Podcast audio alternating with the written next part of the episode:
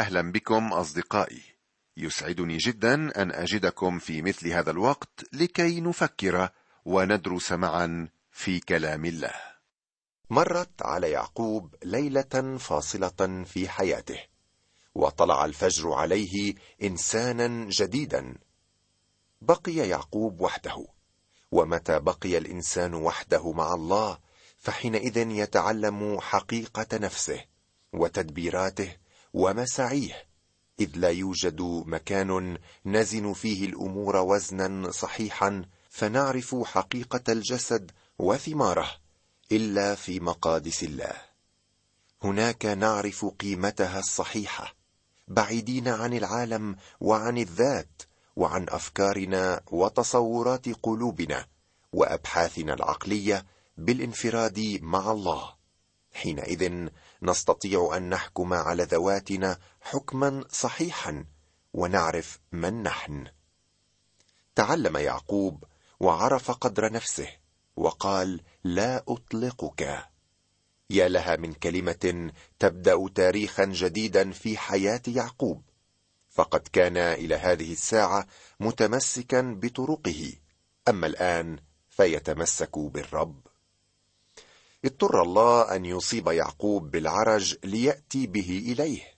لقد رفض أن يرضخ في البداية هذا طبعه. صادف عدة مشاكل وظن أنه يستطيع أن يحلها بنفسه لكنه لم يقدر. ومع كل هذا لم يرد أن يستسلم. وماذا فعل الله؟ للحظة كان بإمكانه أن يحني ظهر يعقوب ولكنه لا يستطيع أن يحني إرادته. يلمس الله حق فخذه. لمس من إصبع الله ويصبح هذا الرجل عاجزا. ويتمسك يعقوب بالرب ويتشبث به. فيقول له الإنسان أطلقني. فيجيبه يعقوب لن أطلقك إن لم تباركني. ها هو متعلق بالله الآن. انتهى الصراع. وانتهت المقاومة. ومن الآن فصاعدا سيظهر يعقوب طبيعة روحية جديدة واتكالا على الله. صديقي لا يمكننا أن نرضي الله بالجسد. علينا بالتسليم التسليم الكامل لشخص الله. وماذا يعني التسليم؟ هو عمل إرادي من إنسان متجدد مؤمن يخضع نفسه لإرادة الله. وهذا ما فعله يعقوب بالضبط. لم يربح المباراة بمصارعته بل بتسليمه. سنتأمل اليوم بنعمة الرب في الأصحاح الثالث والثلاثين من سفر التكوين حيث سنبدأ برؤية يعقوب آخر مختلف عن الماضي ولكن ليس بشكل كامل. أرجو يا ميسون أن تقرأ لنا من العدد الأول وحتى الحادي عشر. ورفع يعقوب عينيه ونظر وإذا عيسو مقبل ومعه أربعمائة رجل فقسم الأولاد على ليئة وعلى رحيل وعلى الجاريتين. ووضع الجاريتين وأولادهما أولا وليئة وأولادها وراءهم ورحيل ويوسف أخيرا. وأما هو فاجتاز قدامهم وسجد إلى الأرض سبع مرات حتى اقترب إلى أخيه. فركض عيسو للقائه وعانقه ووقع على عنقه وقبله وبكيا. ثم رفع عينيه وأبصر النساء والأولاد وقال ما هؤلاء منك؟ فقال الأولاد الذين أنعم الله بهم على عبدك. فاقتربت الجاريتان هما وأولادهما وسجدتا. ثم اقتربت ليئة أيضا وأولادها وسجدوا. وبعد ذلك اقترب يوسف ورحيل وسجدا فقال ماذا منك كل هذا الجيش الذي صادفته؟ فقال لاجد نعمة في عيني سيدي. فقال عيسو لي كثير يا أخي ليكن لك الذي لك. فقال يعقوب لا إن وجدت نعمة في عينيك تأخذ هديتي من يدي لأني رأيت وجهك كما يرى وجه الله فرضيت علي. خذ بركتي التي أوتي بها إليك لأن الله قد أنعم علي ولي كل شيء وألح عليه فأخذ. نرى هنا أن يعقوب لم يستفد كثيرا من درس البارحة إذ نراه ما زال يسلك منهاجه القديم في ابتكار أفضل الوسائل لمواجهة عيسو. أراد يعقوب أن ينقذ أفراد عائلته. هل لاحظت القلق الذي مر به يعقوب مستمعي. إن واحدا من الآباء لم يجتز مراحل القلق مثل ما اجتاز يعقوب. مع أن الله صارعه وأعانه في حكمته غير أنه مع كل ذلك ظل بعيدا عن إدراك الفكر الإلهي جاهلا لهذا الفكر الكريم. لم يخطر بباله أن الله كان عتيدا أن يسيطر على روح عيسو النافرة. ليستبدل بالنفور عواطف طبيعة دافئة وإنما كان لا يزال يتوقع الانتقام من يد عيسو. لينقذنا الله من هذا الفكر الرهيب. وماذا فعل؟ وضع الجاريتين وأولادهما اولا وليئة وأولادها وراءهم ورحيل ويوسف أخيرا. وأما هو فاجتاز قدامهم وسجد إلى الأرض سبع مرات. حتى اقترب إلى أخيه. وضع في صدر القافلة أولئك الذين كان اهتمامه بهم قليلا معرضا إياهم لانتقام عيسو كم كنت أود أن ألتقط صورة ليعقوب وهو يتقابل مع أخيه بعد كل العدة التي أعدها. فركض عيسو للقائه وعانقه ووقع على عنقه وقبله وبكيا. هكذا أصبحت الهدية غير ذات موضوع وكل التدبيرات لا محل لها. ذلك أن الله قام باسترضاء عيسو كما فعل مع لبان. وكأنه بمعانقة عيسو ليعقوب يوبخ عدم إيمانه. ولا ننسى أنهما أخان توأمان. كما يقول المثل اصفح وانسى الماضي. عفى الله عما سلف. يعقوب الذي كان يتوقع سيف عيسو وجد بدلا منه العناق والقبلات. لماذا لا نثق بالله؟ لماذا نتعجل الشك والقلق مع أن أمانة الله ظاهرة من نحونا كل حين؟ الله صخرنا وولينا الحي مستمعي وعلينا أن نلقي كل أثقالنا عليه. حينئذ نتعلم كيف أنه مستعد وقادر أن يعولنا ويحفظنا. ثم رفع عينيه وأبصر النساء والأولاد وقال ما هؤلاء منك؟ فقال الأولاد الذين أنعم الله بهم على عبدك. فاقتربت الجاريتان هما وأولادهما وسجدتا. ثم اقتربت ليئة أيضا وأولادها وسجدوا. وبعد ذلك اقترب يوسف ورحيل وسجدا يقدم يعقوب عائلته إلى عيسو. فقال ماذا منك كل هذا الجيش الذي صادفته؟ فقال لأجد نعمة في عيني سيدي. لوهلة اعتقد يعقوب أن خطته التي أعدها للنجاة من عيسو قد نجحت ولكن لم يكن هناك أي داع لكل ما فعل. استمع إلى عيسو واشهد التغيير بنفسك. فقال عيسو لي كثير يا أخي ليكن لك الذي لك. قال عيسو لم تكن بحاجة يا يعقوب أن ترسل لي كل هذا فعندي ما يكفي. فقال يعقوب لا إن وجدت نعمة في عينيك تأخذ هديتي من يدي لأني رأيت وجهك كما يرى وجه الله فرضيت علي. خذ بركتي التي أتي بها إليك لأن الله قد أنعم علي ولي كل شيء وألح عليه فأخذ. يا للعجب في القديم كان كل واحد منهما يحاول أن يأخذ مما هو للآخر لا سيما يعقوب. أما الآن فقد اختلفت الصورة كثيرا. يعقوب يصر على أن يأخذ عيسو الهدية. يا له من تغيير هائل قد حصل مع هذا الشخص. وهذا يذكرني بزكة في العهد الجديد ذلك العشار قصير القامة الذي عندما دعاه يسوع وتقابل هو مع يسوع تغيرت حياته فجأة وتوقف عن سرقة الضرائب وأرجع للفقراء أربعة أضعاف ما سرق. وهنا أيضا نجد تغييرا جذريا قد حصل في حياة يعقوب. قبل زمن طويل اشترى البكورية بأكلة عدس من أخيه. أما الآن فهو يعرض عليه المواشي بل ويصر أن يأخذها. ويأخذ عيسو الهدية لأن رفض الهدية لا سيما في ذلك الوقت يعتبر عيبا. نتابع القراءة الآن من العدد الثاني عشر وحتى نهاية الأصحاح الثالث وثلاثين. ثم قال لنرحل ونذهب. وأذهب أنا قدامك.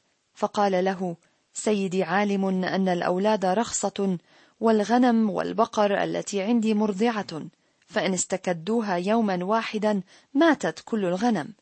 ليجتز سيدي قدام عبده وأنا استاق على مهلي في إثر الأملاك التي قدامي وفي إثر الأولاد حتى أجيء إلى سيدي إلى سعير. فقال عيسو أترك عندك من القوم الذين معي فقال لماذا؟ دعني أجد نعمة في عيني سيدي. فراجع عيسو ذلك اليوم في طريقه إلى سعير. وأما يعقوب فارتحل إلى سكوت وبنى لنفسه بيتا وصنع لمواشيه مظلات. لذلك دعا اسم المكان سكوت. ثم أتى يعقوب سالما إلى مدينة شكيم التي في أرض كنعان حين جاء من فدان أرام ونزل أمام المدينة. وابتاع قطعة الحقل التي نصب فيها خيمته من يد بني حمور أبي شكيم بمئة قسيطة وأقام هناك مذبحا ودعاه إيل إله إسرائيل. ثم قال لنرحل ونذهب وأذهب أنا قدامك. وكرد للجميل أراد عيسو أن يقود أخيه في طريق العودة إلى الأرض ويؤمن حمايته. فقال له سيدي عالم أن الأولاد رخصة والغنم والبقر التي عندي مرضعة فإن استكدوها يوما واحدا ماتت كل الغنم. وكأن يعقوب يقول له أنا معي أطفال ولا أستطيع أن أسير بسرعة كالجيش الذي معك تسهل أنت وأنا أدبر أموري.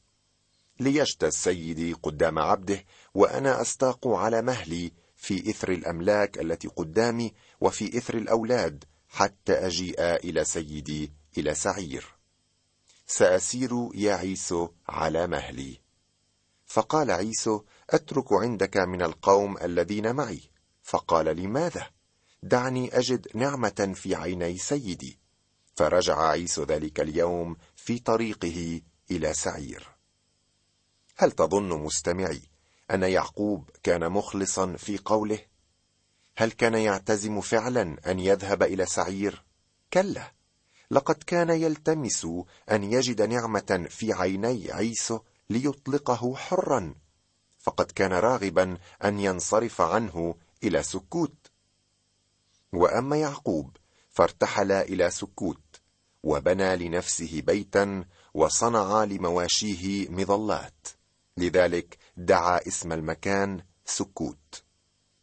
لقد حضر الله قلب لابان وقلب عيسو لكي لا يؤذيا يعقوب فأصبح في سلام من جهة الجبهتين وأظهر كلا الأخين كرما سخيا تجاه بعضهما البعض ولم يعد عيسو يكترث بالبكورية التي باعها لا سيما وأنه أصبح غنيا جدا. ولكن نراه هنا أو نرى يعقوب يبني لنفسه بيتا كما لو كان قد حط رحاله على أرض وطنه. لقد نسي صلاح الله ومعاملاته الرحيمة ونسي أنه لا يزال غريبا ونزيلا. فإن سكوت لم تكن المكان الذي عينه الله له. كان ينبغي أن تكون بيت إيل هي هدف يعقوب. وليس سكوت.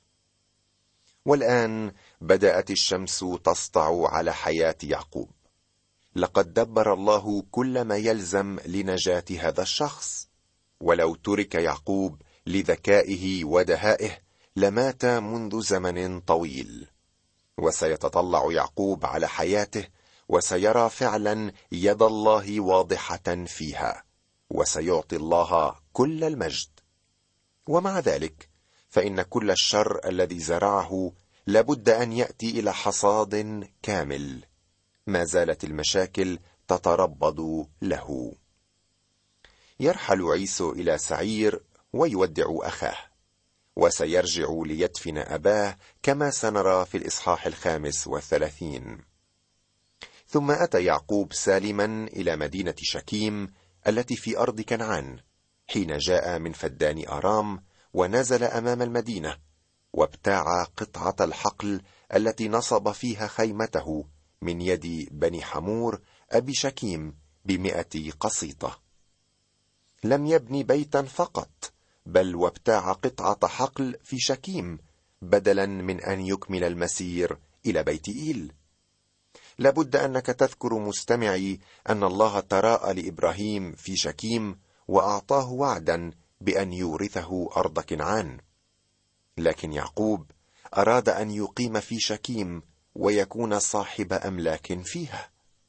لربما لا ينبغي أن نلوم يعقوب كثيرا لأنه كان قد أصبح اعرجا لتوه وهو بحاجة إلى أن يتعود على المشي على أقدامه الروحية. وأقام هناك مذبحا ودعاه إيل إله إسرائيل. ويبني يعقوب مذبحا للرب كما فعل إبراهيم جده. والمهم في الموضوع أن يعقوب يرى نفسه باسمه الجديد الذي أعطاه إياه الله. هذا يبين النمو الذي حصل في حياة هذا الشخص. في الواقع لقد ارتكب يعقوب خطا بالمرور في شكيم لأنه كانت ستحدث فضيحة كبرى لعائلته في تلك المدينة. إذ تذل دينه ابنة يعقوب من ليئة بواسطة شكيم الحوي. فيقوم شمعون ولاوي اخوات دينا بالثأر لها بذبح أهالي مدينة حمور. وهذا عمل لا مبرر له صار وصمة عار في جبين عائلة يعقوب إلى الأبد.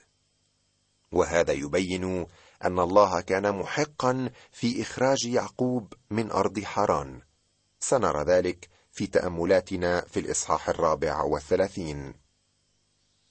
هناك أمران يشدد عليهما الله في سفر التكوين. اولا هناك السلالة أو النسب. الله يهمه جدا أن المؤمن يتزوج من مؤمنة والعكس صحيح. وهو يمانع من الزواج المختلط مع أهل العالم. وهذا مهم من أجل النسل والسلالة. ثانيا بيئة الفرد هامة جدا. تلاحظ أن يعقوب كان لديه عائلة كبيرة فيها بنون وبنات وقد سببت له بيئته هذه مصاعب عديدة. هناك شيء آخر من المهم أن نعرفه حتى نفهم التكوين وهو وجود المشاكل في العائلات. كانت هناك منازعات في عائلة إبراهيم ثم في عائلة إسحاق والآن نجد منازعات وصراعا في عائلة يعقوب ولم ينتهي الأمر بعد. اذا يتوقف يعقوب هنا في شكيم لفترة من الزمن وهذا سيجلب عليه الكثير من الحزن. في الواقع الإصحاح التالي من التكوين يمتلئ بالحزن والقتام. يعقوب الآن قد تعلم دروسا عديدة وبنى مذبحا للرب وهو الآن يشهد للإله الحي. هناك تغيير كبير قد جرى في حياته ولكن ببطء وفي هذا درس كبير لنا. لا نظن أننا كمؤمنين سنصل إلى كمال الإيمان وملء النمو بين ليلة وضحاها. كلا إن نمونا الروحي يتم ببطء بقيادة معلمنا الروح القدس. قد نتعلم الكثير من الحقائق الكتابية ولكننا قد نتعثر بين الفينة والأخرى. نسقط ثم نقوم إلى أن نتعلم الدرس جيدا وقد يأخذ ذلك وقتا طويلا. فلنتحلى بالصبر يا أخي على أنفسنا وعلى غيرنا. أحب العبارة التالية جدا وكثيرا ما أقرأها هنا وهناك في المنازل والكنائس. تقول كن صبورا معي أو تمهل علي فإن الله لم ينتهي من العمل في حياتي بعد. حقا عبارة مؤثرة تبين أن الله يأخذ وقته في التعامل معنا وفي تعليمنا. توعد معي في الحلقة القادمة لنتأمل في الحادثة المؤسفة التي حصلت في عائلة يعقوب. حتى ذلك الحين أستودعك لعناية القدير.